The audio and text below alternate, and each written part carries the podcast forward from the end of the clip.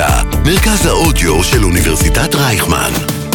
כל האוניברסיטה אודיוורסיטי. לא רק יח"צ. שיחות עם יועצי התקשורת והדוברים המובילים על האסטרטגיה שמאחורי המהלכים התקשורתיים. עם לירון בן יעקב. ברוכות וברוכים הבאים לפודקאסט לא רק יח"צ, האסטרטגיה שמאחורי המהלכים התקשורתיים, שמשודר בכל האוניברסיטה, הרדיו של אוניברסיטת רייכמן. אני לירון בן יעקב, מרצה בבית הספר סמי עופר לתקשורת באוניברסיטת רייכמן, המרכז הבינתחומי, דוברת ומנהלת תקשורת. נמצא איתנו היום אלעד סאסי, בעלים ומנכ"ל של סאסי ייעוץ ואסטרטגיה תקשורתית, המתמחה באסטרטגיה, יחסי ציבור וניהול משברים. אלעד ידבר איתנו על דוברות ויחסי ציבור לוועדי עובדים ולרשויות מקומיות, וגם בכלל על משברים הוא מעולה בזה. אלעד הוא בוגר של אוניברסיטת רייכמן. את דרכו המקצועית החל כדובר משרד התשתיות הלאומיות, ולאחר מכן שימש כיועץ תקשורת בכיר במכאן פרס, ובהמשך כראש אגף הסברה ודובר עמותת אור ירוק. לפני כעשור הקים את המשרד. היי אלעד. היי, מה שלומך? אני מעולה. אז אנחנו בעצם במגרש הביתי שלך. כן, אמרתי, הגעתי לפה היום בבוקר קצת יותר מוקדם, זרק אותי 20 שנה אחורה, להגיע, ללכת בשדרה שנכנסת לקיבוץ הזה, להגיע לקפיטריה, זה מצחיק, כי כשהייתי פה סטודנט, היינו מגיעים והיית רוצה, כאילו, אם היית יוצא לבר לפגוש בחורות יפות, אז היו אומרים לך, בוא נשתה קפה בקפיטריה של, אה, של הבינתחומי, כן. של רייכמן, עם ה... וכן, קצת צמרמורת להגיע לפה, קצת השתנה פה ב-20 שנה האחרונות. נבנו כמה בניינים. אה, נבנו כמה בניינים, אבל עדיין האווירה בשבילי לחזור לפה זה, זה מאוד מרגש. הייתי פה כסטודנט, אחת התקופות הכי יפות שלי בחיים. מה למדת פה? למדתי פה ממשל. הגעתי לנושא הזה, למה ממשל שואלים. כאילו, הבדיחה על הסטודנטים של ממשל לפני 20 שנה הייתה שהעבודה שהם ימצאו זה, כאילו, מה שהם צריכים ללמוד זה האם להגדיל לך בשקל 90, כי הם הולכים לעבוד במקדונלד עם, התואר- עם התואר שלהם. אמרו את זה גם פעם על תקשורת. כן, אבל uh, זו הייתה בדיחה שרצה, כי למדו פה אז רק מנהל עסקים ומשפטים. אני פשוט עבדתי במשרד החוץ כמאבטח ארבע שנים בשגרירות אה, ישראל בסינגפור. ראיתי את ההתנהלות של משרד החוץ, חשבתי שאני יכול לשנות אז כילד צעיר ו- וצריך לשנות כאקטיביסט, אז בוא נלך ללמוד ממשל. הגעתי לפה, למדתי ממשל, וזה זרק אותי לעולמות אחרים לגמרי. אה, הגעתי בטעות לתחום התקשורת. ביחסי הציבור, לא הייתי אמור להגיע לתחום הזה. מה היה התפקיד הראשון שלך? התפקיד הראשון שלי. התפקיד, אני חוזר לתפקיד הראשון כי הוא נבנה פה בקפיטריה של הבינתחומי. כאילו, אומרים שמגיעים לבינתחומי, מגיעים גם ללמוד וגם ליצור קשרים ו networking בין, אה, בין אה, אנשים. הייתה איתי סטודנטית שלמדה איתי במסלול, הגעתי עייף מהעבודה, הייתי מאבטח אה, של שר החוץ בזמנו. ראתה אותי שבוז, שאלה אותי מה קרה, אמרתי, נמאס לי. ואז היא אומרת לי, אוקיי. אותה בחורה קוראים לה שרי סגל, היא אחותו של אודי סגל, היא הייתה עורכת של רזי ברקאי בזמנו. אומרת לי, אני יכולה לקשר אותך למישהי שמחפשת עוזר. וככה אני מגיע לדוברת שר התשתיות בזמנו, פואד בן אליעזר, קוראים לה תמי שנקמן, היא מראיינת אותי, אומרת לי, יש לך ניסיון? אני אומר לה, לא, אומרת לי, יופי. אה, כמה כסף אתה רוצה? אני אומר לה, מה שתתני, אומרת, אוקיי, 3,000 שקל, העבודה בירושלים, אני גר בתל אביב, כל בוקר לעלות לירושלים. והיא מקבלת אותי לעבודה. מקבלת אותי לעבודה אחרי המלצות פה של, היה לי סיוע, אני לא אשקר, המרצה שלי, יריב בן אליעזר בזמנו, מרים טלפון לתמי, ונותן את ההמלצה החמה שלו, וגם אותה שרי מרימה טלפון ונותנת את ההמלצה החמה שלה, ווואלה, אני נכנס לתחום התקשורת. ביום הראשון חוטף צעקות שלא ככה כותבים הודעה לעיתונות, ולא ככה אה, מתנהלים, ומה אתה חושב שאתה, אבל תוך חודשיים תמי, מה שנקרא, דוחפת אותי קדימה, מלמדת אותי, ותוך חודשיים אני מתחיל לעבוד ממש כעוזר דובר שלה, וכבר לסגור אייטמים, ו- ופתאום לגלות שמה שאתה מוציא הופך להיות כותרת ראשית ב- בוויינט, ואתה מתחיל להבין את הכוח של עולם התקשורת, ו- ואני מתאהב בזה. אני גם, אני לא רוצה להשתחצן, אבל התחלתי להבין שיש לי את זה, כי היא גם הבינה את זה מהר מאוד, כי החיבור מול הכתבים, החיבור מול ה... מול להבין את הסיפור ולבנות את הסיפור. מה זה אומר יש לך את זה? מה צריך בשביל שתצליח בתחום הזה? תראי, היום, היום, אני כבר אחרי 17-18 שנה בתחום, כשאני מראיין עובד, אני רואה את זה לפעמים, וזה זה העניין שלי. אני רואה אנשים שכותבים בבקשה, יכולת כתיבה מופלאה. אותי זה לא מעניין. אני צריך עובד שיש לו ראש, אני קורא לזה ראש קרימינלי בחשיבה, הוא חושב מחוץ לקופסה, והוא מבין סיפור. צריך להבין סיפור. היום לעיתונאי, עיתונאי מקבל למייל בערך 500-600 מיילים ביום. אין לו סבלנות, ו-99% מאותם מיילים הוא מוחק בלי שהוא פתח אותם. אני יודע את זה, אני ראיתי את זה בלייב, הוא לא רע. יש לך מה שנקרא, אתה צריך להיות צלף. יש לך שלוש שניות לפגוע ולתפוס את תשומת ליבו של העיתונאי.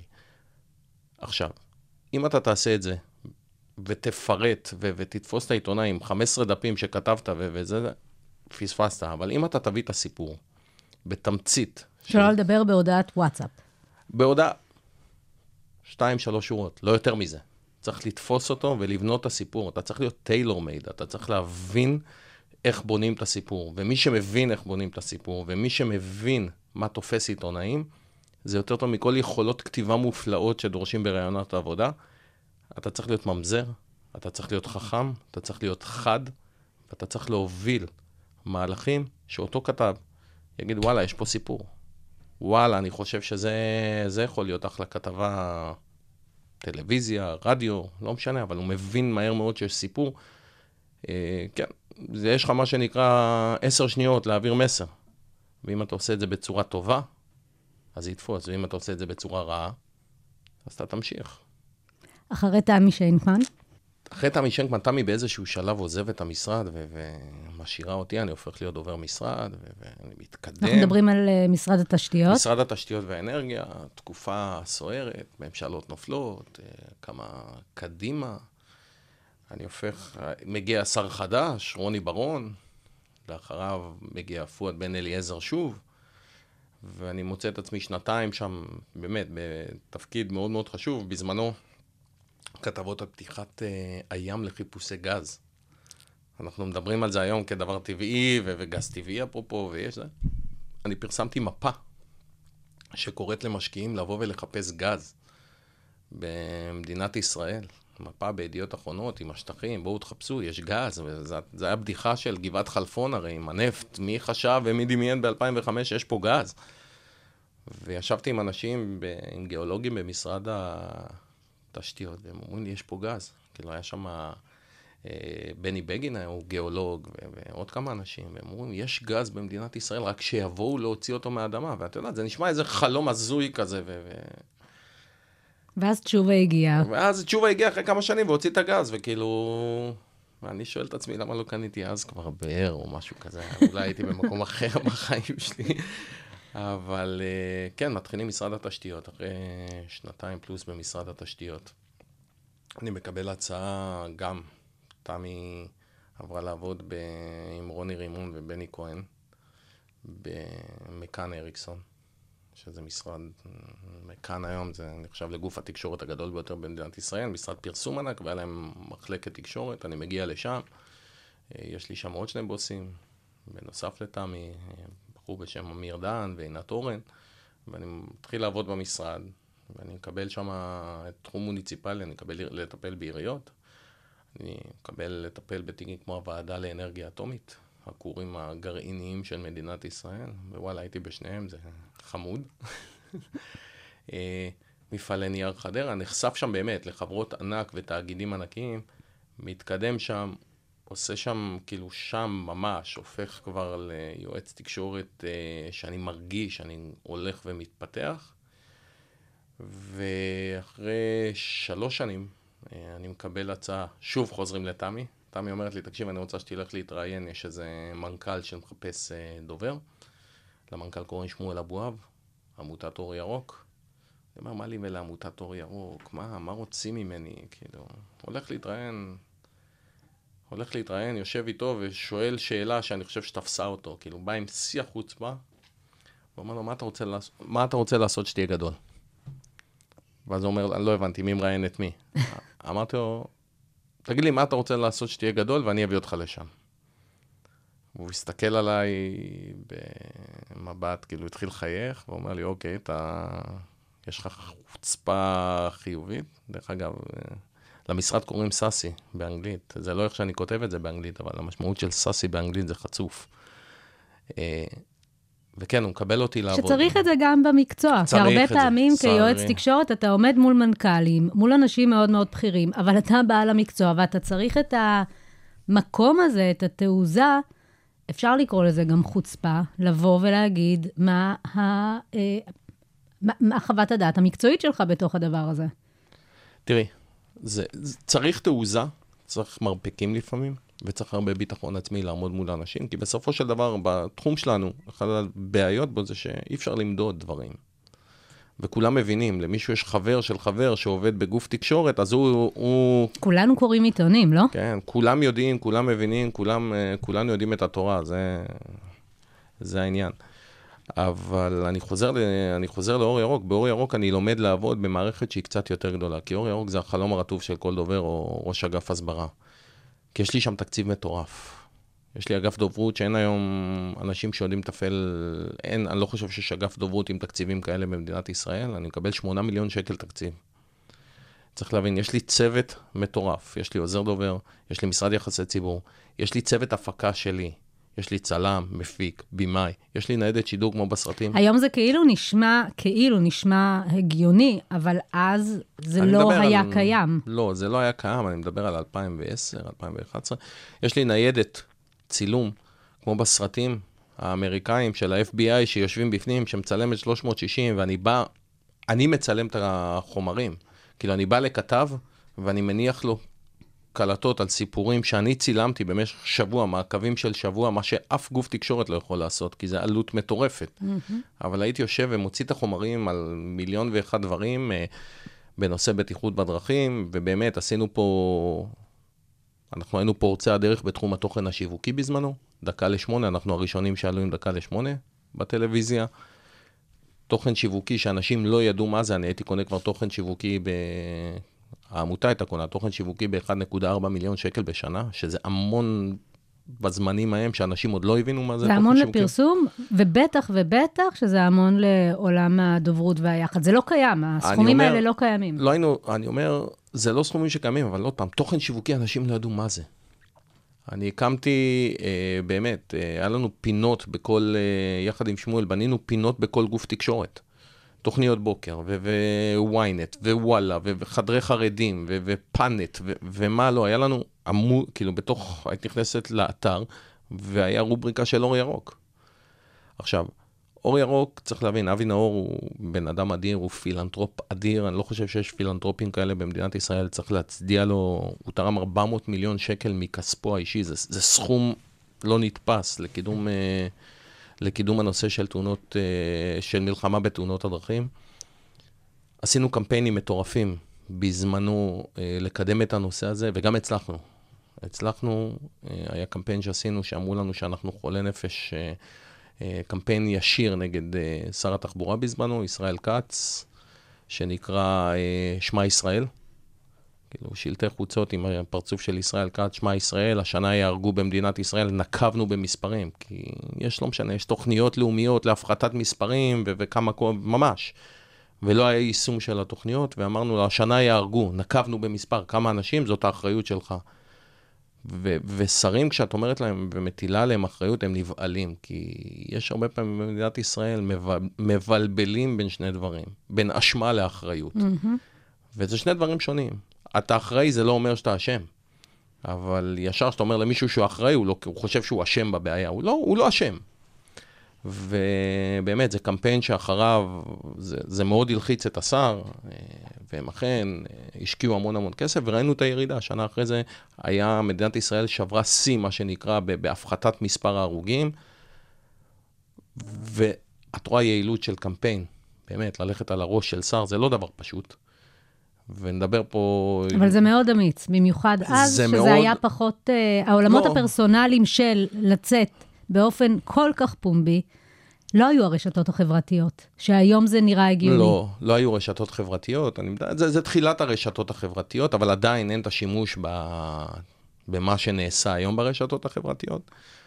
אה, זה קמפיין שסתם דוגמה, זה קמפיין שהיה כל כך חזק, אבל הוא היה קמפיין קטן. ומה עשינו? צריך להבין, כאילו, איך אתה עושה קמפיין בסכום, לא, לקמפיין הזה לא היה סכומים גדולים. סתם, היה לי 14 שלטי חוצות. אה, אז היית צריך לחשוב טוב טוב איפה טוב, אתה אז שם מה אותם. שעשינו, אז זהו, שחשבנו מאוד טוב טוב איפה שמים אותם, ושמנו כל שלט ליד מערכות עיתונים ומערכות תקשורת. כאילו ברמת החייל שמנו שלט, מול ידיעות אחרונות שמנו שלט, מול גלובס שמנו שלט, כאילו זה נתן תחושה לעיתונאים, לכל מקום שהם הולכים הם רואים את זה. שמנו שלטים בכניסה לירושלים, שהשר יראה אותם. כאילו, הוא הבין שהוא... זו חשיבה ממוקדת קהל יעד. זו חשיבה ממוקדת קהל יעד, הקהל יעד שלי הוא אחד, עיתונות ושר. כן, ומקבל החלטות. אין פה קהל שאמור להשפיע, ואין פה, זה, זה לדבר אליהם, לדבר לתקשורת, להכניס את הנושא הזה של תאונות דרכים, אנחנו, המספרים, את יודעת, זה, זה, אנחנו מקבלים את זה בשלוות נפש.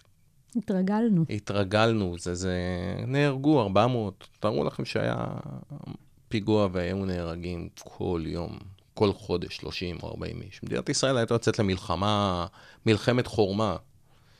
ו- ותאונות הדרכים הפך להיות משהו שאנחנו מקבלים בשלוות נפש, ו- ובאמת, אני הייתי דובר מאוד מאוד מוערך, ועל ידי המשפחות.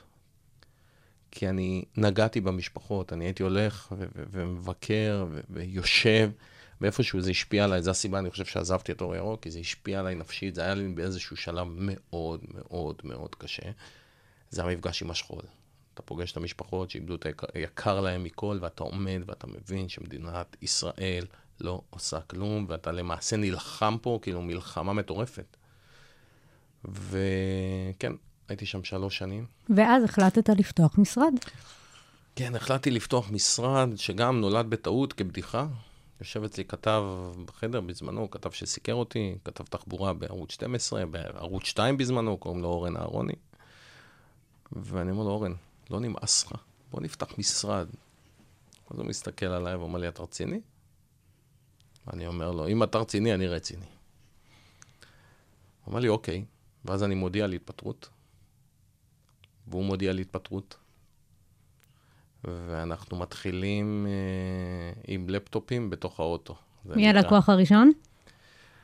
יום אחרי שאני עוזב את אור ירוק, אה, אני מקבל טלפון בזמנו מדורון הרמן, הלקוח הראשון הוא לקוח פרו בונו, שאומר לי, תקשיב, אני צריך את העזרה שלך. דורון הרמן היה כתב פלילים של ערוץ 10 בזמנו.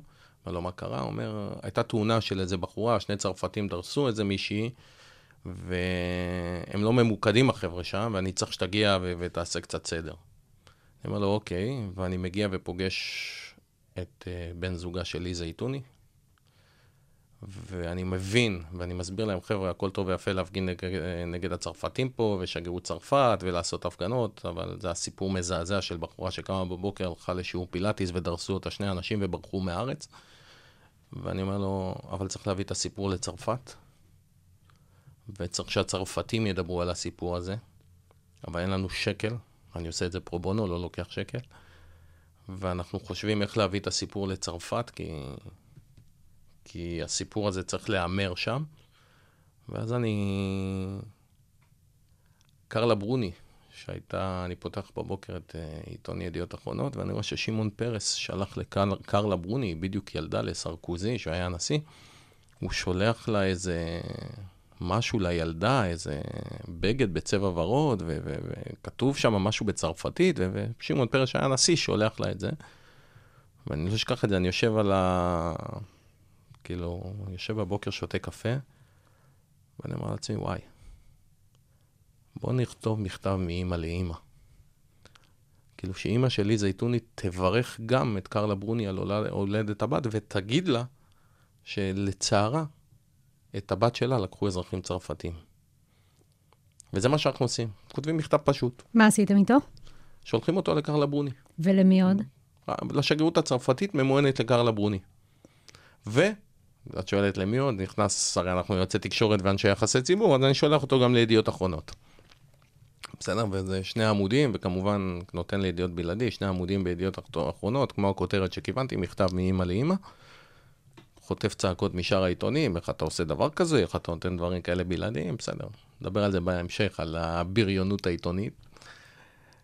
ואחרי שבועיים מגיעה תשובה מקרלה ברוני. הלם טוטאלי. קרלה ברוני כותבת מכתב של שלושה עמודים. ואני חושב שזו הפריצה... למי שלחה את המכתב? לאימא שלי, זיכרונה לברכה. וזה למעשה הפריצה שמובילה את התיק הזה ל... למיינסטרים. למה מוביל? מבחינה עיתונאית אני מדבר. מהמם. כי באמת, הקרדיט הגדול על המאבק הזה הוא של אה, רועי פלט, שבסוף הצליח גם להכניס אותם לכלא, ו- והוא עשה שם, כל הקרדיט הולך אליו. אני רק הייתי שם לסייע. ובאמת, זה הזיה, תבינו, האישה הראשונה בצרפת שולחת מכתב של שלושה עמודים לאימא בישראל. כמובן, ידיעות עולים עם זה. שוב, פולו של עוד שני עמודים, הגברת הראשונה מגיבה. אבל מה שקורה במקביל, זה שהתקשורת הצרפתית פתאום מת- מתחילה להבין למה הגברת הראשונה שולחת מכתב למשפחה לאיזה מישהי אנונימית בישראל. וכל ה... ותוך שבוע או שבועיים, כל התקשורת הצרפתית, אני מדבר על הערוצים והעיתונים הכי גדולים בצרפת, נוחתים בישראל. וברגע שהם נוחתים בישראל והם מביאים את הסיפור לצרפת, אני מבין שמה שנקרא, אני את העבודה שלי עשיתי, פרצנו את תקרת הזכוכית, הסיפור נמצא בצרפת, והצרפתים מבינים שיש פה אה, בעיה. אנחנו ממשיכים להפעיל לחץ על הצרפתים, פוצצנו פה, מגיע אה, ראש עיריית... אה, ראש עיריית פריז לאיזה כנס, והוא עולה, ל- הוא עולה ל- לדבר, ואז קמים פעילים עם... המאבק הזה גם תופ... תופס תאוצה, מצטרפים אנשים שלא הכרנו בכלל, ו- ויש פה באמת קבוצה מגובשת, והסימן היה אה, דם על הידיים, כאילו ידיים אדומות, עולה ראש עיריית פריז ל- לשאת דברים, ועומדים מולו 20 פעילים עם תמונות שלי, עם ידיים אדומות, כאילו, והתקשורת מסקרת, והצרפתים מסקרים, וזה הופך לסיפור גם בצרפת. שורה תחתונה, הסיפור הזה, שברנו, אמרנו, שברנו את תקרת הזכוכית, הגענו לצרפת, והם עומדים לדין. הם עומדים לדין, הם נכנסים. זה היה הלקוח הראשון במשרד. מי היה הלקוח הראשון המשלם? היה לנו חברת תיירות אה, גם כן, והיה לנו אה, חברת הייטק וסטארט-אפים, ואנחנו מתחילים לעבוד, אני ואורן. זה לא פשוט, פתאום אתה מגלה ש... לנהל משרד. עזבי, להיות עצמאי במדינת ישראל זה סיוט. ואנחנו מגלים את זה לאט-לאט, כי לא הכל ורוד, ו- וכן, היו רגעים קשים, אבל המשרד מתחיל לגדול, ו- ואנחנו חוברים באותו זמן לבחורה בשם דפ- דפנה טריבקס. אה, יש לנו כבר עובדים, המשרד הולך וגדל, אנחנו אה, באמת בצמיחה. אחרי שנה אני ואורן מבינים שהשותפות עם דפנה לא מובילה לאן שחשבנו שמובילים, נפרדים, וממשיכים יחד, באמת. אה, המשרד גדל וגדל וגדל מי וגדל. הלקוחות שלך היום? הלקוחות שלי היום ככה, יש לנו אה, לקוחות ממגוון תחומים, אנחנו מחזיקים הרבה ועדי עובדים. אני עובד עם הוועדים הגדולים במשק, עם חברת חשמל, מקורות, בנק לאומי, אל על. אה, אני עובד עם מרכז ההסברה של מדינת ישראל, אני עובד עם משרד המדע וסוכנות החלל, אני מייצג אוניברסיטאות ללימודי רפואה בחו"ל. אה, אנחנו מייצגים אה, חברות הייטק, יש לנו גם אה, מחלקת תיירות לא קטנה, קצת אה, תאגידים, אה, תאגידי מזון אה, בינלאומיים. אפשר להגיד שיש לך אה, תחום מומחיות? כן. אני, עוד פעם, המשרד, אני היום, כשאומרים לי משרד שמתמחה ב, אני שונא את זה. אני אגיד לך למה? למה. כי אם פעם היה 20 כתבי תיירות, היום יש ארבעה. וברגע שאתה אומר, אני מתמחה בתיירות, אתה מצמצם. אתה מצמצם את עצמך לארבעה. היום יועץ תקשורת טוב, צריך להבין בהרבה נושאים, לא הכל, אנחנו לא יודעים הכל. אם תתני לי לשווק אה, מסעדות, אין לי מושג. אם תתני לי לשווק שמפו ו- ו- ולעשות יח"צ לשמפו, אני לא מבין בזה. כנ"ל לגבי עוד הרבה הרבה דברים אה, בתחום האופנה שאני לא מבין בהם. אבל אם תתני לי לעבוד עיריות, מגזר שלישי, תיירות, משברים, הייטק, זה כן נושאים שאני חי ונושם אותם, ואני חושב שיועץ תקשורת טוב צריך להבין במגוון נושאים ולא להגיד אני מתמחה ב... כי ברגע שאתה מתמחה בנושא אחד, הרגת את המשרד. וכן, אני, אני אומר, ההתמחות שלי זה פחות התמחות, זה התחביב, אני קורא לזה. אני אוהב לעבוד אה, עם תיקים במה שנקרא באדרנלין גבוה. אה, תיקי משברים, שלפעמים המשרד נראה כמו, אה, אה, כמו חדר מיון. מגיעים משברים מעכשיו לעכשיו, להיכנס לעבוד אה, אוטומטית, מה שנקרא, במיליון תחומים, באמת, כאילו, ממאבקי איכות סביבה, וגם בהטרדות מיניות הייתי, בתיקים של הטרדות מיניות, מיטו, כל העניין של מיטו. הרבה מהתיקים שלי... יש לך, יש לקוחות שלא תטפל בהם? אפרופו הטרדות מיניות? אה, יש לקוחות, ואני אגיד את זה פה פעם, משפחת פשע פנתה למשרד. לקבל יחסי ציבור וסיוע. מה, מה היה, מה הייתה המטרה? הם עמדו למשפט והם רצו קצת לשנות את התדמית, להראות שהם לא כאלה. אוי, זה מעולה. ואמרנו, לא, לא, לא, לא, לא, לא, לא. אה, תיק כמו סיימון לבייב, זה משהו שאני לא אגע בחיים שלי. באמת, יש נוכל הטינדר. נוכל הטינדר זה תיק שאני לא אגע בחיים. למרות ש... שזה משבר הכי פשוט בעולם. כאילו, לפתור אם הבן אדם הזה היה לו קצת שכל בקודקוד והוא מתנהל כמו איש עסקים רציני, הוא היה אומר, "ת- מרים את הידיים למעלה, אומר, טעיתי. טעיתי, עשיתי טעות, הייתי ילד מטומטם. אני קורא לאותן בנות שפגעתי בהן ועדיין נאלצות לשלם את הסכומים האלה. אני רוצה להחזיר לכם את הכסף. זה הכסף פלוס ריבית פלוס פיצוי כספי על מה שעשיתי. אני מתנצל, אני מבקש את סליחתכם, התבגרתי, אני אדם אחר היום. ובזה נגמר הסיפור. אין פה משבר. אבל אני לא יודע, הבן אדם הזה... אני גם, גם קצת כועס על התקשורת, כי הם נותנים לו במה. לפי דעתי זה לא אדם שראוי לקבל שום במה. זה אדם שמקומו... אה, מצד אחד, אבל אתה מכיר את התקשורת, הוא מסקרן, הוא מעניין, הוא ישראלי, הוא חרדי, יש שם את כל מה שצריך כדי שיהיה סיפור טוב. ועדיין, אני מתכווץ שנוכל מקבל זמן פריים טיים, ו- ומציגים אותו כמו איזה, איזה כוכב על. האיש שניצח את השיטה. האיש שניצח את השיטה, ו- והבנות מטומטמות. לא, חבר'ה, עצרו. עצרו. אין מקום לאף נוכל, בסדר? בפריים טיים. וזה לוקח אותנו אולי גם לאתי קרייף, שכאילו... ואז אני שואל את עצמי, באמת, כאילו, איפה, מה, מה הולך פה?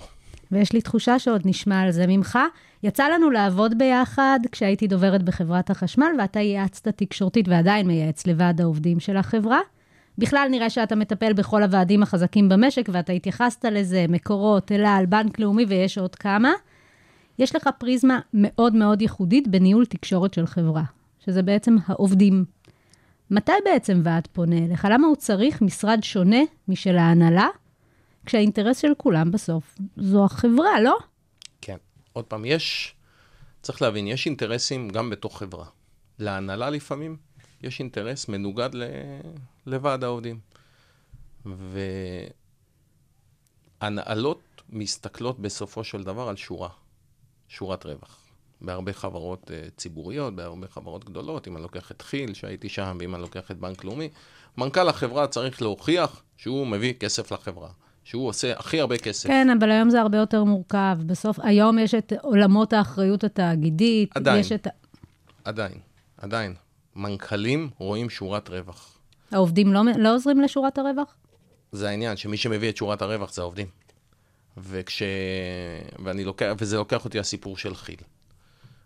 כשניהלנו את המשבר בכי"ל לפני כמה שנים... מה הגיע- היה המשבר? המשבר היה שהנהלת החברה הודיעה לפיטורי 700 עובדים. ואז את באה ומסתכלת על המשבר הזה. ואומרת, איפה?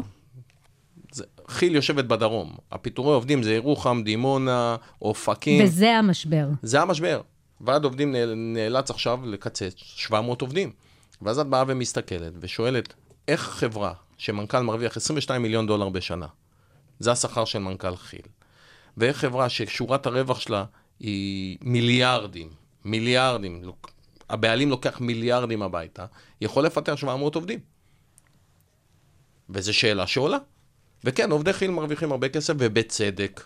אני רוצה לראות מישהו מהמאזינים שלנו מגיע לרמת חובב באוגוסט, לעבוד במפעל או בים המלח באוגוסט עם כל הציוד עליו, ואומר, וואלה, איזה כיף פה. לעבוד במקומות שכי"ל עובדת זה לא הדבר הכי נעים. וכן, העובדים נעמדו שם על הרגליים האחוריות. למה חברה שמרוויחה 700 אה, או 800 או מיליארד דולר בשנה צריכה לפטר 700 עובדים? ומאיפה העובדים האלה? צריך להבין, המעגל לא נסגר בעובדים. כי העובד הזה קונה בסופר באופקים ובבאר שבע ובירוחם, כי שם, משם מגיעים עובד, העובדים. והסופ, הוא, הוא מבזבז את הכסף שלו בחנות אופנה ו- ו- ובחנות האופניים. ecosystem זה שלם. ecosystem, ומי מי נותן את השירותים לאותם עובדים? אה, נהג אוטובוס מקומי. זה, זה מעגלים ועל מעגלים מעגלים. ושם לא הסכמנו לקבל את זה. אמרנו, חבר'ה, כל עוד מנכ"ל מרוויח 22 מיליון דולר בשנה משכורת, אין סיבה שעובד אחד ילך הביתה. מה עשית? מה עשינו? אז שם זה דוגמה למאבק שחשבנו 17 צעדים קדימה. זה מאבק שאני חושב שהנהלת החברה לא הייתה מוכנה, אני עבדתי עם תרכובות ברום, לא הייתה מוכנה ל... למאבק הזה, ו... ומאבק של ועד עובדים לא יוצרים באסקלציה. לא בום וגמרנו, אלא, לא יוצרים. בבת אחת, אלא באסקלציה. לא בום וגמרנו, אלא בונים את זה ומעבירים מסר, מסר, מסר, ובכל מאבק, מאוד מאוד חשוב, לזכור לא לשרוף את כל הקשרים. כי יש קשרים שתצטרך בעתיד לחזור. וברגע ששרפת את כל הקשרים, אין לאן לחזור. אין לאן לחזור. ובגלל זה יש מה שנקרא נשק יום הדין, שזה הדבר האחרון שאתה עושה, אלא אם כן קצו כל הקיצים ואין לך מה לעשות. ובכי"ל, לדוגמה, היינו, אה, התכוננו למאבק הזה. איך התכוננו? ידענו, בדרך כלל כשאתה יוצא למאבק ומשבית אה, חברה ומשבית מפעלים, הלחץ על העובדים זה הלחץ הכלכלי. הלחץ של משכנתאות, ולא נכנסת משכורת, ו- ו- ו- ו- ו- ו- ו- ו- ונוצר לחץ בבית שהוא לחץ כלכלי, והעובדים בדרך כלל נשברים. אבל בכי"ל חשבו 17 צעדים קדימה, ומה עשו? סגרו עם ההסתדרות, אם ילכו לשביתה על קרן, יש קרן להסתדרות, קרן פיצויים לנושא שביתה. דיברו עם הבנקים, שבמידה וילכו לשביתה, ידחו את המשכנתאות ואת כל התשלומים על ההלוואות חצי שנה קדימה, שייתן מרווח נשימה, ואז הורד 90% מהלחץ על העובדים.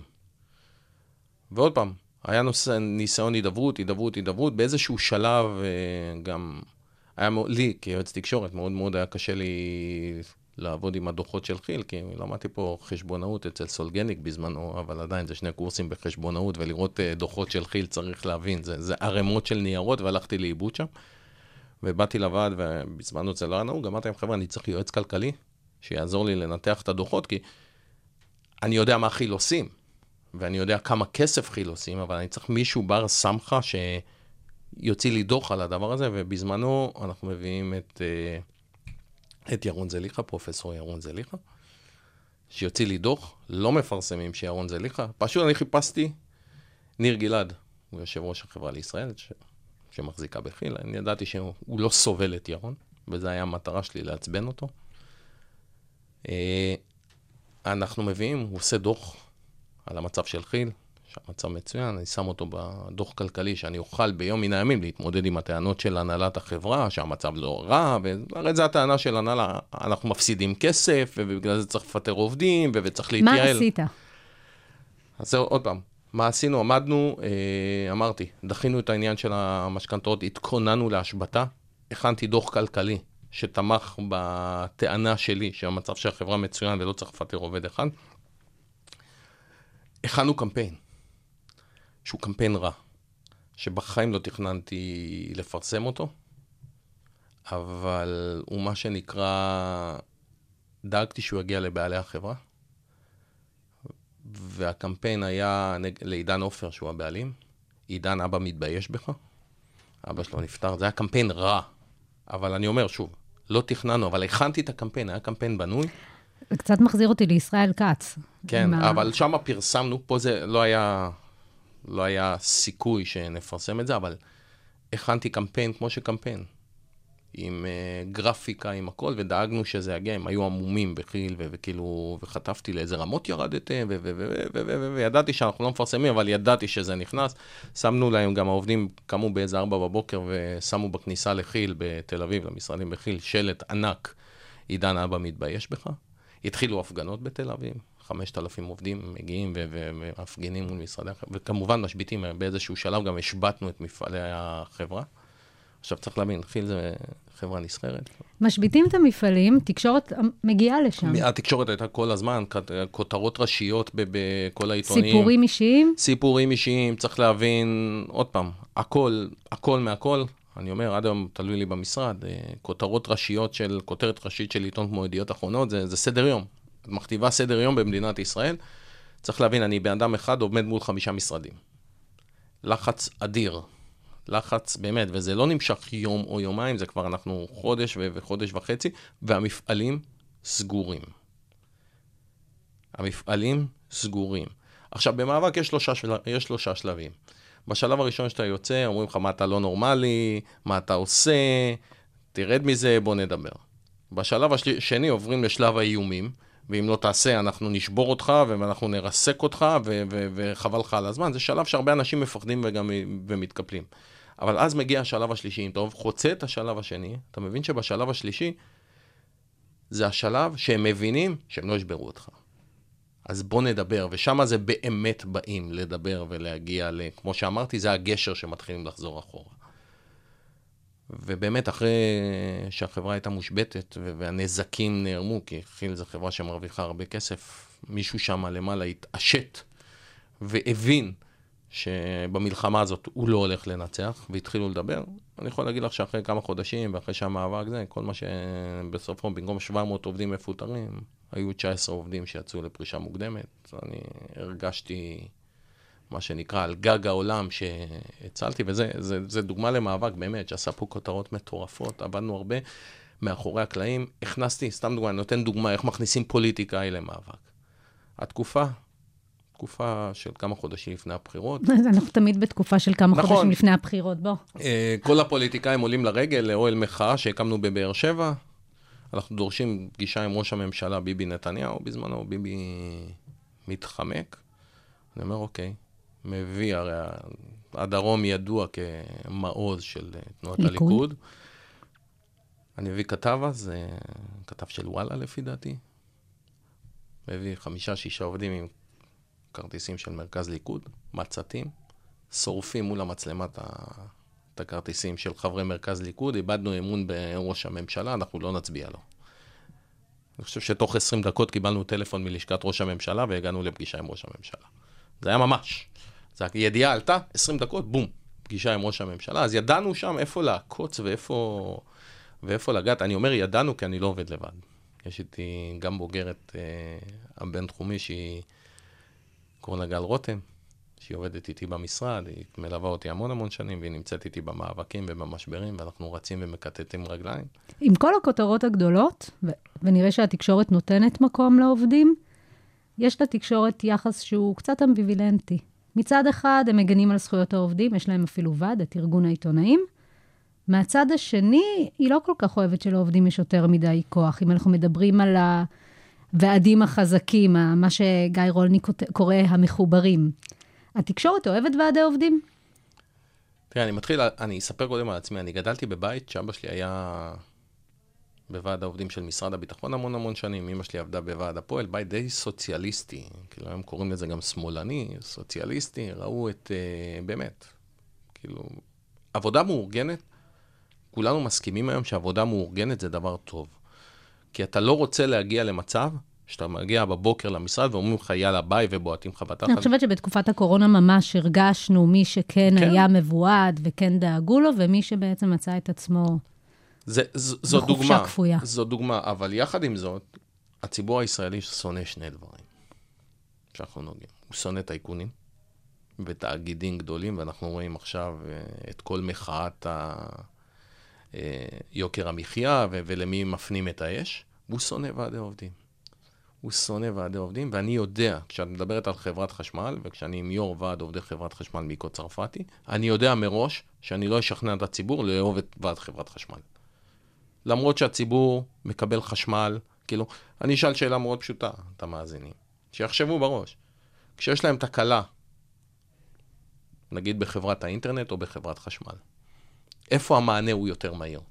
טוב, את עובדת בחברה, אז אנחנו, זה נראה כאילו, בסדר, אבל לא, באמת, כאילו, תקלה. חברת חשמל תגיע גם ביום כיפור לטפל בתקלה. חברת האינטרנט תגיד לך, נגיע עוד ארבעה ימים. אני לא חושב שיש פה למישהו בעיה עם אספקת חשמל. אני חושב שהשנאה לעובדי חברת חשמל היא, היא יוצאת מכל פרופורציה, ואני אג- אגלה פה סוד, כמו שדיברנו. אין שלטר ליו"ר ועד חברת חשמל. חברת חשמל מעולם לא הורידה את, הח... את החשמל במדינת ישראל. מעולם. בסדר? חברת חשמל לא פגעה בצרכנים. מעולם. אז כן, יש איזה... יש איזה סברה, ומישהו חושב שליו"ר ועד העובדים בחדר יש שלטר, שהוא מוריד את השלטר כי ואין חשמל. בסוף מי שנפגע זה הלקוחות, זה הצרכנים. ברגע שהדואר עושה שביתה, כי הם לא מרוצים מהתנאים שלהם, הם לא, הם לא פותחים את הסניף. כשעובדי הרכבת נלחמים בהנהלה, אתה קם בבוקר, תכננת לנסוע ברכבת, ואומרים לך, אנחנו משביתים. אפשר לנהל בעצם את, ה, את התדמית של העובדים של הארגונים האלה, ולנהל איזשהו מוניטין חיובי בתוך הדבר הזה? תראי, אנחנו צריכים לדבר על שני דברים פה. אחד, קהל המטרה שלהם. את לא קהל המטרה שלהם כציבור, את לא מעניינת אותם, הם צריכים לדבר להנהלה. ואלה מקבלי ההחלטות שלוקחים לפעמים. והם עושים את זה דרך התקשורת. והם עושים את זה דרך התקשורת. שתיים, הם יודעים מראש שש- שהציבור שונא אותם. הציבור שונא אותם. אני חושב גם שבוועדים שאני עובד, אני, הדבר האחרון שאני אעשה, זה אני אפגע בציבור. אני לא חושב שפגיעה בציבור, יש מיליון ואחד דרכים לפני זה, ואני אתן פה דוגמה תכף לאל על. אה, לפני, אה, לפני הפגיעה בציבור שצריך לעשות. ואם אני מדבר על אל על, אני עובד עם, יש שני ועדים באל על, ועד הטייסים והוועד הכללי, אני עובד עם הוועד הכללי, שזה אנשי תחזוקה. צריך להבין, כולם אומרים אל על, אל על, אל על, אל על. 80 אחוז מה, או 70 אחוז מהעובדים באל על הם מקבלי השלמת הכנסה. כי זה מנקים, מכונאים, טכנאים, אנשים שהמשכורת שלהם היא 10,000 שקל, 8,000 שקל, 6,000 שקל, זה, זה המשכורת. ואני מגיע עם עובדי התחזוקה שהם מבקשים העלאה של 3 אחוז. למשכורת בן אדם, בואו נסבר את האוזן, בן אדם שעובד אה, 30 שנה באל על, בסדר, יו"ר הוועד, 30 שנה באל על, 12,000 שקל משכורת. שזה, זה בדיחה, אנחנו מבינים שזה בדיחה היום, בטח ובטח בתחומים של ההייטק, זה בדיחה. בן אדם שיש לו אה, חשמלאי מוסמך, יש לו את כל ההסמכות על כל המטוסים, זה בן אדם שבאמת, יש לו אחריות אדירה על מטוס. תארו לכם ש... שבן אדם כזה טועה, מה, איזה אחריות יש לו על הכתפיים. וזה מה שהוא מרוויח. והם מבקשים העלאה, ההנהלה כמובן אה, מתנגדת, ואז נוחת פה הדרימליינר הראשון. טקס מאוד מאוד חגיגי באל על, כל מדינת ישראל לובשת לבן, מגיעים, מגיעים מטוסים חדשים לחברה, ואני אומר, יש פה הזדמנות אחת לנצל. עכשיו, מה אתה מצפה מוועד עובדים לפי הדברים שלך? שיהיו ערסים, שיבואו, שיפוצצו את הטקס, שיזרקו ביצים, יקללו, ואני נוקט בגישה אחרת. בסדר? אני אומר, אני שובר את ה... אני אוהב לשבור תדמיות. ואני מביא את העובדים, 600 עובדים, לרחבת הטקס, כולם לובשים שחור. זה השראה שקיבלתי מ... מהאגרוף השחור שמונף באולימפיאדת אה, מקסיקו 1968, נגד הגזענות ונגד אה, אפליית שחורים, אם את זוכרת. עומדים שני ספורטאים אמריקאים על הפודיום, מקום ראשון ומקום שלישי, מניפים אגרוף שחור לשמיים, ו- ומביעים בשירת ההמנון האמריקאי, כי זה... מרכינים ראש, מניפים אגרוף, וזה מחאה שקטה מטורפת. ואני מקבל השראה מהמחאה הזאת, ואני מסדר 600 עובדים. הדרימליינר נוחת, עומדים 600 עובדים בחטא, שלשות. הדרימליינר נוחת. התקשורת המ- שם. התקשורת שם כמובן, מנכ"ל החברה יורד ו- ובעלי החברה יורדים. והעובדים מניפים יד למעלה, כולם לבושים שחור ומתחילים לשיר את התקווה. התקשורת כמובן עוזבת את הדרימליינרים ורצה לעובדים, לסקר את הנושא. ויש שקט מופתי, את יודעת, כאילו, עומדים, לא מקללים, לא זה, לא שלטים נגד ההנהלה, כלום. מפגן כוח, כאילו, מטורף, צמרמורת, את יודעת, אנשים, כל התקשורת, זה היה מטורף. במקום לצלם את מנכ"ל החברה, יורד מהדרימליינר, רצה לעובדים, לצלם אותם כי הם עומדים, שרים התקווה עם אגרוף מונף לשמיים. ואז את מבינה שם שהנושא, ואני רואה את האיש יחסי ציבור של אל על מורט את כל השערות, ואז אני מבין שלא יהיה פה טקס על דרימליינר. יהיה פה טקס שישאלו למה הפגינו העובדים בהפגנה שקטה, ולא צריך לפוצץ ושלטים ולהרביץ. זה, זה, שם הבנתי את הכוח לפעמים של... לא צריך לפגוע בציבור. זה טעות לפגוע בציבור, כי אז הציבור גם מתהפך עליך, והנושא, אתה לא משיג באמת מה שאתה אבל רוצה. עדיין התדמית של ועדי העובדים היא תדמית של, כוח... של כוחנים. נכון, יש בעיה, תראי, יש בעיה, אני עבדתי גם עם... זה הנ- פוגע במטרה? כן, אני עבדתי גם עם הנהלות, בסדר? נגד ועדי עובדים. כשאנחנו מדברים, אחד הסיפורים הידועים ש... שעבדתי, זה עבדתי, הייתי יועץ לניצב הכבאות במאבק נגד uh, ועד הכבאים. וכן, יש ועדי עובדים שמאבדים את זה. יש ועדי עובדים שמנצלים את הכוח שלהם ופוגעים בעבודה המאורגנת. מי שמייעץ לבד צריך לחשוב בראש ובראשונה איך הדבר האחרון שהוא עושה זה לפגוע בציבור. אמרתי ופתחתי, הציבור הישראלי לא יאהב ועדי עובדים. הציבור הישראלי שונא טייקונים ושונא ועדי עובדים, ואף אחד לא בא לשכנע אותו לאהוב ועדי עובדים. אז מה כן? מה כן, בסוף? עד שאתה נתקל בזה מבית, מה שאני קורא. או שהילד שלך נפגע מזה, שאין לו ועד עובדים. ועד עובדים זה דבר טוב. והתפקיד שלך כיועץ תקשורת זה להוציא את זה לתקשורת כדי שבתוך ההנהלה יבינו. התפקיד שלי כיועץ תקשורת וכיועץ, זה אחד, לבנות אסטרטגיה נכונה לוועד, אסטרטגיית פעולה. פעולה נכונה לוועד, שתעבוד, עוד פעם, נגעת בזה, בשני אופנים. אופן אחד, להעביר מסר להנהלה. האופן השני זה לתקשורת, שתקשורת היא, אמ- היא אמצעי, לא מטרה. אנשים פה הפכו את התקשורת לפעמים, אה, וזה משהו שאני שונא בתחום שלנו, שמודדים לי אינצ'ים, ו- וכל אחד בא ואומר, עשינו אה, אינצ'ים ואינצ'ים ואינצ'ים ואינצ'ים. ואני נותן דוגמה לאנשים. כשעבדתי במכאן עשו קמפיין לצמיגים במשלן. עכשיו זה קמפיין שעלה בימים האלה עוד פעם, על אה, מרחק הבלימה של צמיגי משלן הוא שלושה מטרים. השקיעו 2.4 מיליון שקל בקמפיין הזה, ומשלן לא מכרו צמיג אחד יותר. בסדר? כי הציבור הישראלי הגיע לפנצ'ריה וגילה שצמיג של משלן עולה 900 שקלים וצמיג סיני עולה 200, והציבור הישראלי הוא בונקר. הוא יקנה ב-200, הוא לא יקנה ב-900, ולא מעניין אותו ה... הוא גם בסוף ישאל, ישאל את הפאנצ'ר מאחר, תגיד, כן. כן. הצמיג הזה מספיק זה טוב? כן, והפאנצ'ר מאחר יגיד לו, כן, עזוב, מה תשקיע עכשיו? ולעומת זאת, 2.4 מיליון שקל, ולעומת זאת אני לוקח סיפור של uh, בוקינאי שנכנס למועדון חשפנות במסגרת הסיורים שלו, ורואה שם אלוף בצה"ל יושב עם חשפנית על הרגליים, ומתקשר למערכת לראובן וייס, שהיה כתב בתל אביב, ואומר לו, ראובן, אתה לא מבין מה ראיתי, השעה 11 וחצי בלילה. ראובן יוצא למחרת עם ידיעה של 30 מילה בידיעות אחרונות. אלוף בצה"ל נצפה במועדון חשפנות, בול קטן בצד. איזה סיפור יותר חזק?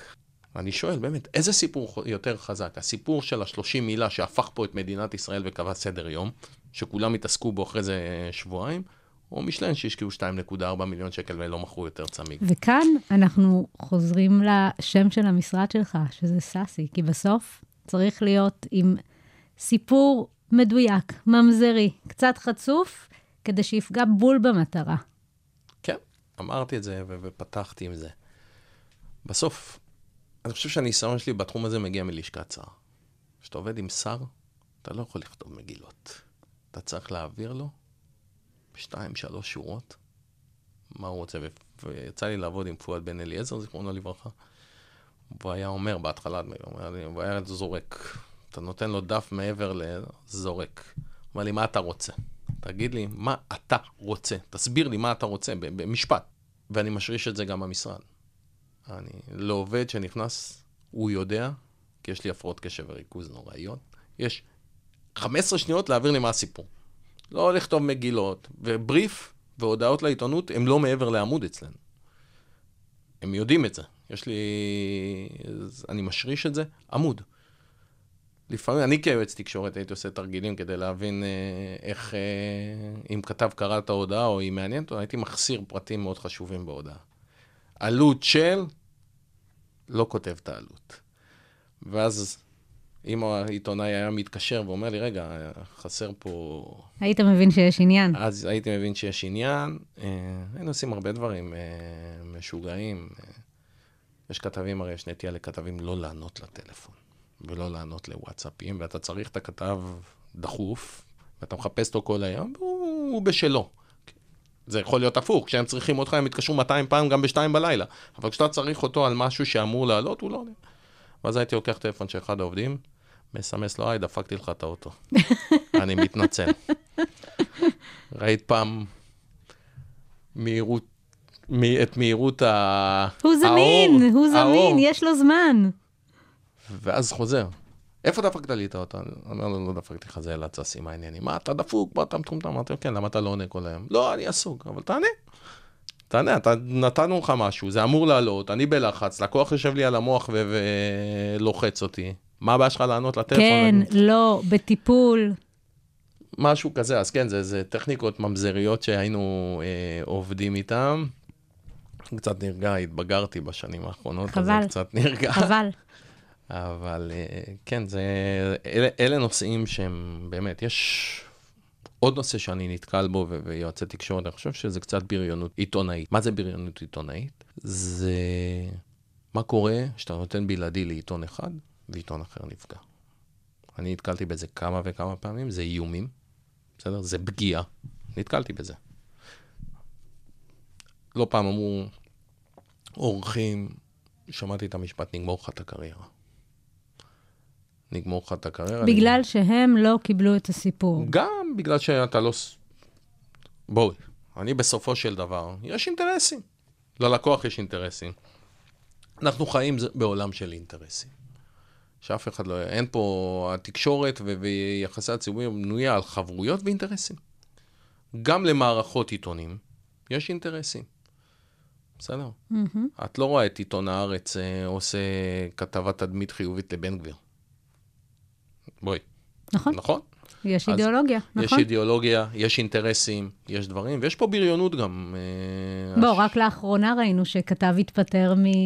פוטר מ... אה, מתחנת רדיו ושרים אה, ממפלגה מסוימת החליטו, ש... החליטו שהם מחרימים את, את אותה כן, תחנה. אני חושב שיש יש פה בריונות אה, עיתונאית, השאלה איך אתה מתנהג איתה. זה, זה נושא של פודקאסט שלם שאפשר לדבר עליו. אני לא נכנע לזה, אני לא מתכופף אה, ולא, ונשאר מקצועי בדרכי שלי.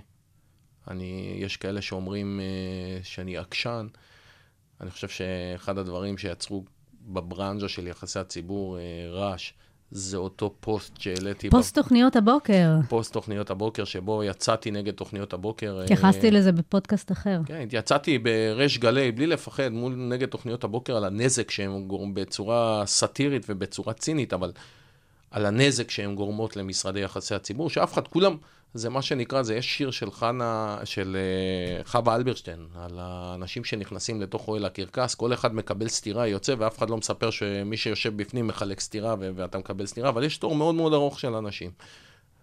ואני, אחרי הנזק שהם עשו לי, בקצרה רק, תוכניות אה, הבוקר בעצם סוגרות... סוגרות אקסטרה אייטמים, אם יש שישה או שבעה אייטמים, הן סוגרות 15, וב-11 בלילה, אחרי שהמנכ"ל של החברה פינה את כל היום למחרת, כי הוא מגיע מהצפון, ואין לו לו"ז למחרת, כי הוא אמור להגיע לתוכנית הבוקר, הן מתקשרות ומבטלות. לא הסתייע. אז לא הסתייע, אז אני, מה שאני עושה, אה, ואמרתי את זה, עובד באותו דרך, אני אסגור איתך, אסגור איתך, ובבוקר אני אחליט לאן הוא הולך. אתם יכולים... לכ- למה אתם כועסים? ככה אתם מתנהגים. אז הפוסט הזה באמת היה ויצר המון המון רעש והמון המון ברדק, ו- ו- אבל גיליתי שיש כמוני עוד עשרות. אז נכון, המשרד שלי מחזיק בתיקים שאני יכול לעשות קצת שרירים מול תוכניות הבוקר, כי הם צריכים אותי. יש לי הרבה תיקים שהתקשורת צריכה אותי. אני לא מנצל את זה לרעה, אני באמת ב... כל הזמן מחפש להיות הוגן עם כולם, ואני מאמין שיש מספיק אוכל לתת לכולם. ככה אני אומר לעובדים שלי. אבל אני מחפש הוגנות של הצד השני, ואני מחפש אתיקה מקצועית של הצד השני, וזה קצת נעלם לי בשנים האחרונות. כי בסוף זה סכום אפס. תראי, אתיקה מקצועית אה, בעיתונות זה משהו שגם אפשר לדבר עליו. ו- וזה זה לא כל דבר, וכשאני חוזר לאורן אהרוני, אורן אהרוני חזר להיות כתב. התאגיד היו לקוחות שלנו במשרד, הם לקחו אותו, אבל אורן כל הזמן הביא את הצד של כתב. הוא אמר לי, אם אני חושב שהאתיקה, או גם אם יש לי את הסיפור הכי טוב בעולם, ואני לא אהיה שלם, אני לא אעלה איתו. ואני נתקלתי בסיפורים שהם חצאי אמיתות, שעולים איתם, ל... עולים ועושים איתם רעש. אני אתן לך דוגמה הכי מצחיקה שהייתה לי בעולם. עשו overbooking במלון מסוים, בחברה שלי בחו"ל. overbooking, קורה. בן אדם התעצבן קצת, אמרו לו, תמתין קצת.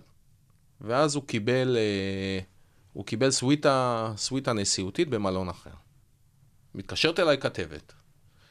תגובתך לזה שהלקוח היה overbooking והוא נאלץ להמתין לקבל חדר.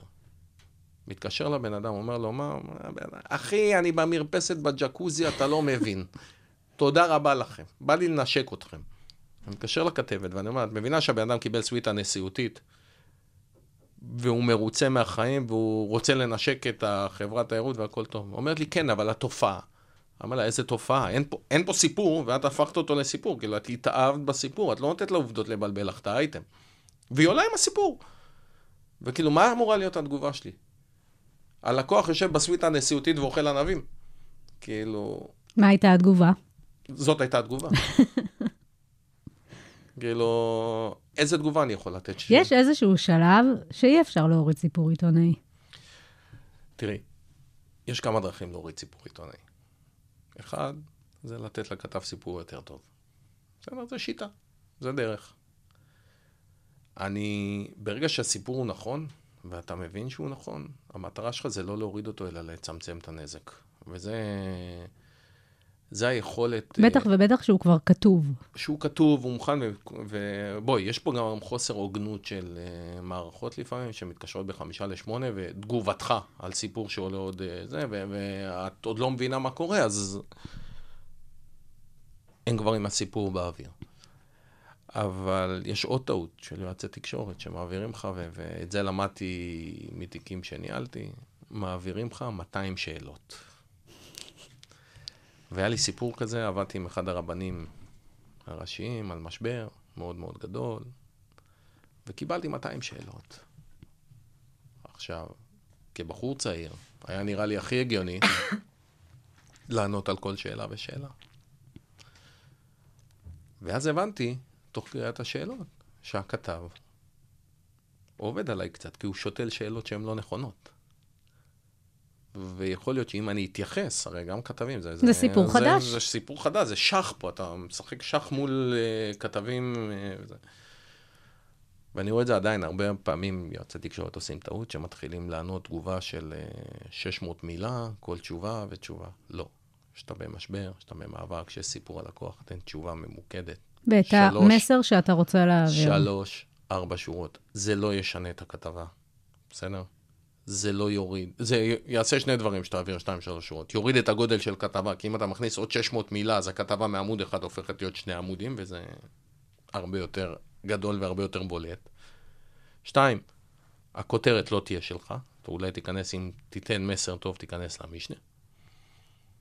ושלוש, אם יש לכתב סיפור טוב, הוא לא ירד ממנו. וצריך להבין, ואני מסביר המון פעמים לאנשים, אוקיי, זה הסיפור, בוא נתמודד, סבבה, זה כמו צונאמי.